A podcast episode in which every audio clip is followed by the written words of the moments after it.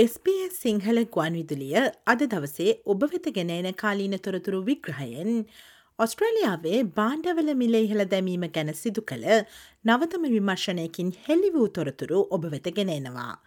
ඔස්ට්‍රලියාවේ ඉහළ යන ජීවන වියදම හේතුවෙන් සියලුම ඔස්ට්‍රලයානුවන් පීඩාවට පත්ව ඇති අතර ඇතැම් ප්‍රජාවන්ට එය වැඩි වශයෙන් බලපානු ලබනවා.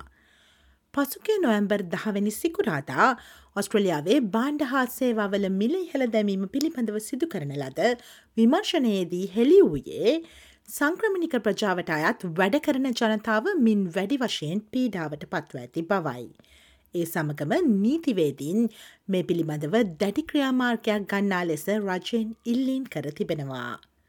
මේ සම්බන්ධයෙන් වැඩිතුර තොරතුරු අද දවසේ කාලීන තොරතුරු විග්‍රහයෙන්. ඔස්ට්‍රේලියාවේ පවුල් ජීවන වියදම් ඉහළයාම හේතුවෙන් දැඩි ලෙස පීඩාවට පත්ව සිටිනවා. මෑතකදී සිදු කරන ලද සමීක්ෂණවලට අනුව මෙම ජීවන වියදම් පීඩනය වැඩවීම හේතුවෙන් ඔස්ට්‍රලියාවේ පවුල් විසින් සිය මූලික අවශ්‍යතා පවා අත්හැර දැමීම වැඩි වැඩියෙන් දක්නට ලැබෙනවා. මෙම අසාමාන්‍ය ලෙස මිල ඉහළයාම් ඇතැම් ප්‍රජාවන්ට වැඩි වශයෙන් බලපෑම් එල්ල කර තිබෙනවා. ප්‍රයිස් ගෝජින් නැතිනම් මෙම මිල ඉහළ දැමීම යනු බාණ්ඩ සහසේවා සඳහා සාධාරණයයි සලකනවාට වඩා බෙහෙවින් ඉහළ මට්ටමකට ඒවායේ මිල ගණන් වැඩි කිරීමයි. තෝමස් කොස්තා යනු නිවසෞත්වේල්ස් ප්‍රාන්තයේ වෘත්තිය සමිති සඳහා ඉහළම ආයතනය වන යුනියන්ස් නිවසෞත්වේල්හි සහකාර ලේකම්වරයයි. මෙම මිල ඉහළයාම විශේෂයෙන් සංක්‍රමික ප්‍රජාවන්ට අහිතකර ලෙස බලපෑ හැකි බව ඔහු පවසනවා. බොහෝ විට සංක්‍රමිනිකයින්ට අඩු වැටුප් හෝ අවම වැටුපටත් වඩා අඩු මුදලක් ගෙවනු ලබන බවත් සාමාන්‍යයෙන් නවාතැන් සහ ප්‍රවාහනය වැනි දේවල් සඳහා ඔවුන්ගෙන් අන් අයට සාපේක්ෂව සැලකිය යුතු ලෙස ඉහළ මුදලක් අයකරගන්නා බවත් ඔහු පෙන්වා දුන්නා. සංක්‍රමණිකයින් පහසුවෙන් සූරා කෑමට ගොදුරුවීම මීට හේතුවන බවත් ඔහු පැවස්සවා. Overwhelmingly, they are underpaid and paid below minimum wage.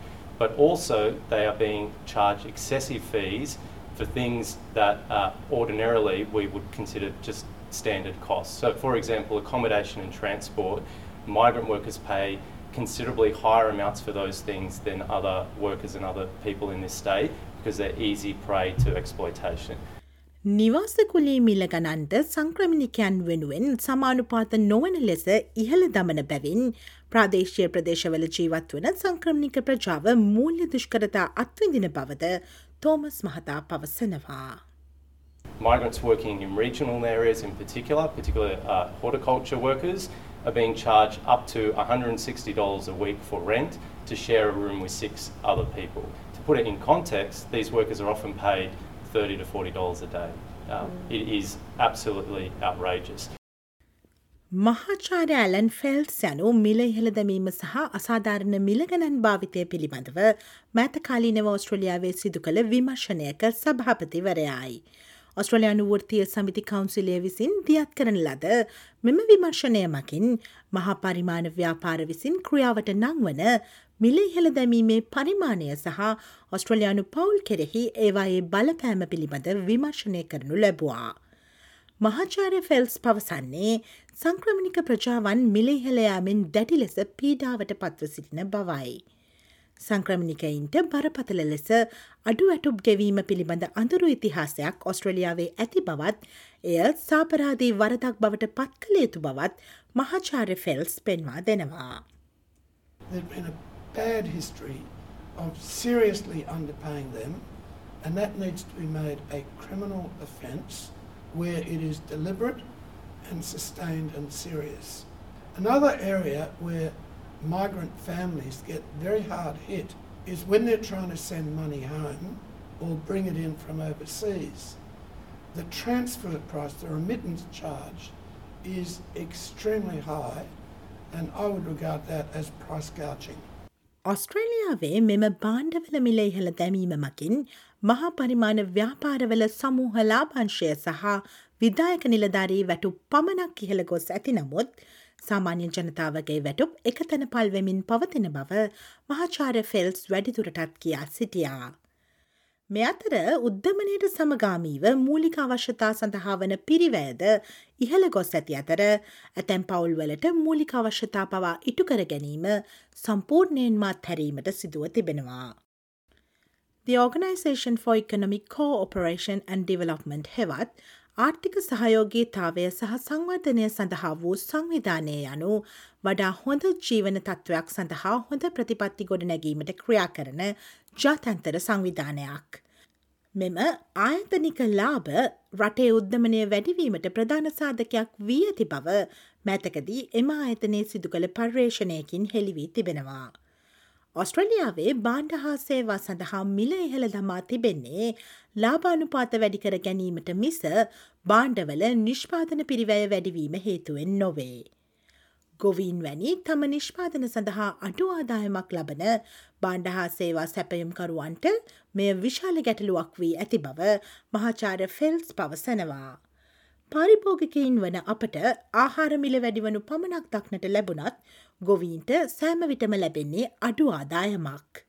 විශාල වශයෙන් ලැබෙන අමතරලාභය අතරමැදි ව්‍යාපාරිකයන් විසින් ලබා ගන්නා බව ෆෙල්ස් මහතා විසින් මෙහිදී පෙන්වා දුන්නා.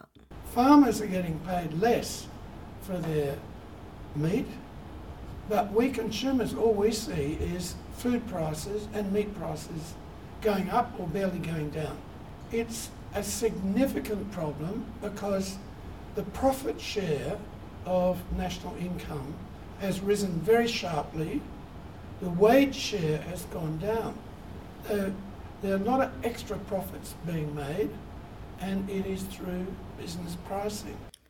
එ අනුව සුපිරි වෙළඳ සැල් තැවැන්තයෙකු වන වූල්වර්ත් සමාගම විසින් දෙදහස් විසිතුන මුල්ල වර්ෂය සඳහා ඩොල බිලියන එකයි දශම හයයි දෙක කලාභයක් වාර්තා කර තිබෙනවා.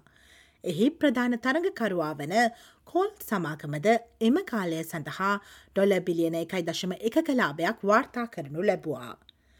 ප්‍රදීප් දිලිප් යනු ප්‍රමුඛ පෙළේ ගෝලිය මූල්‍ය සහ බදූපදේශන සේවා සපයන්නෙකු වන ඩෙලයිට් සංවිධානයේ ප්‍රවශාර්ථික විද්‍යාංශයේ ප්‍රධානයයි. ජීවන වියදම් පීඩනයට එරෙහිව සටන් කිරීම සඳහා මිලවැටි කිරීම් පිළිබඳව මෙවැනි විමර්ශනවලට අමතරව වෙනත් ක්‍රියාමාර්ගද අවශ්‍ය වන බව ඔහු පවසනවා. බාණ්ඩහා සේවා වෙළඳ පොලේ තරගකාරීත්වය සඳහා මූලික ප්‍රතිසංස්කරන අවශ්‍ය වන බවත් එමගින් පාරිභෝගිකයන් වෙත හොඳම මිල ලබාදීමට කටයුතු කළ හැකි වන බවත් ඔහු පෙන්වා දෙනවා. එසේම ආර්ථිකයේ සියලු මාංශ ඔස්සේ විවසායකත්වය වැඩිකිරීම නවෝත්පාදන ඇති කිරීම සහ ආර්ථික පලදායිතාව ඉහළ නැංවීම මෙහිදී වැදගත්වන බවද ඔහු වැඩිදුරටත් කියා සිටියා. In addition to the spot checks on price gouging, we need some more fundamental reform of competition. We need to look across all of our sectors and make sure that competition reforms are driving the best deal for the consumer. So, one of the things we need to do to structurally deal with underlying inflation is make sure that we drive competition reforms through a broad range of sectors in our economy. And again, in doing so, what we might also end up doing is igniting a bit more entrepreneurial spirit and innovation, which is really important for driving productivity in the economy. ඔස්ට්‍රලියාවේ කාලීන වශයෙන් වැදගත් වන තොරතුරු SBS Sinhala සේවේ විසින් දෛනිකව ගෙනෙන කාලීන තොරතුරු විග්‍රහයෙන් සචීව ලෙස අපි ඔබ වෙත ගෙනෙනවා.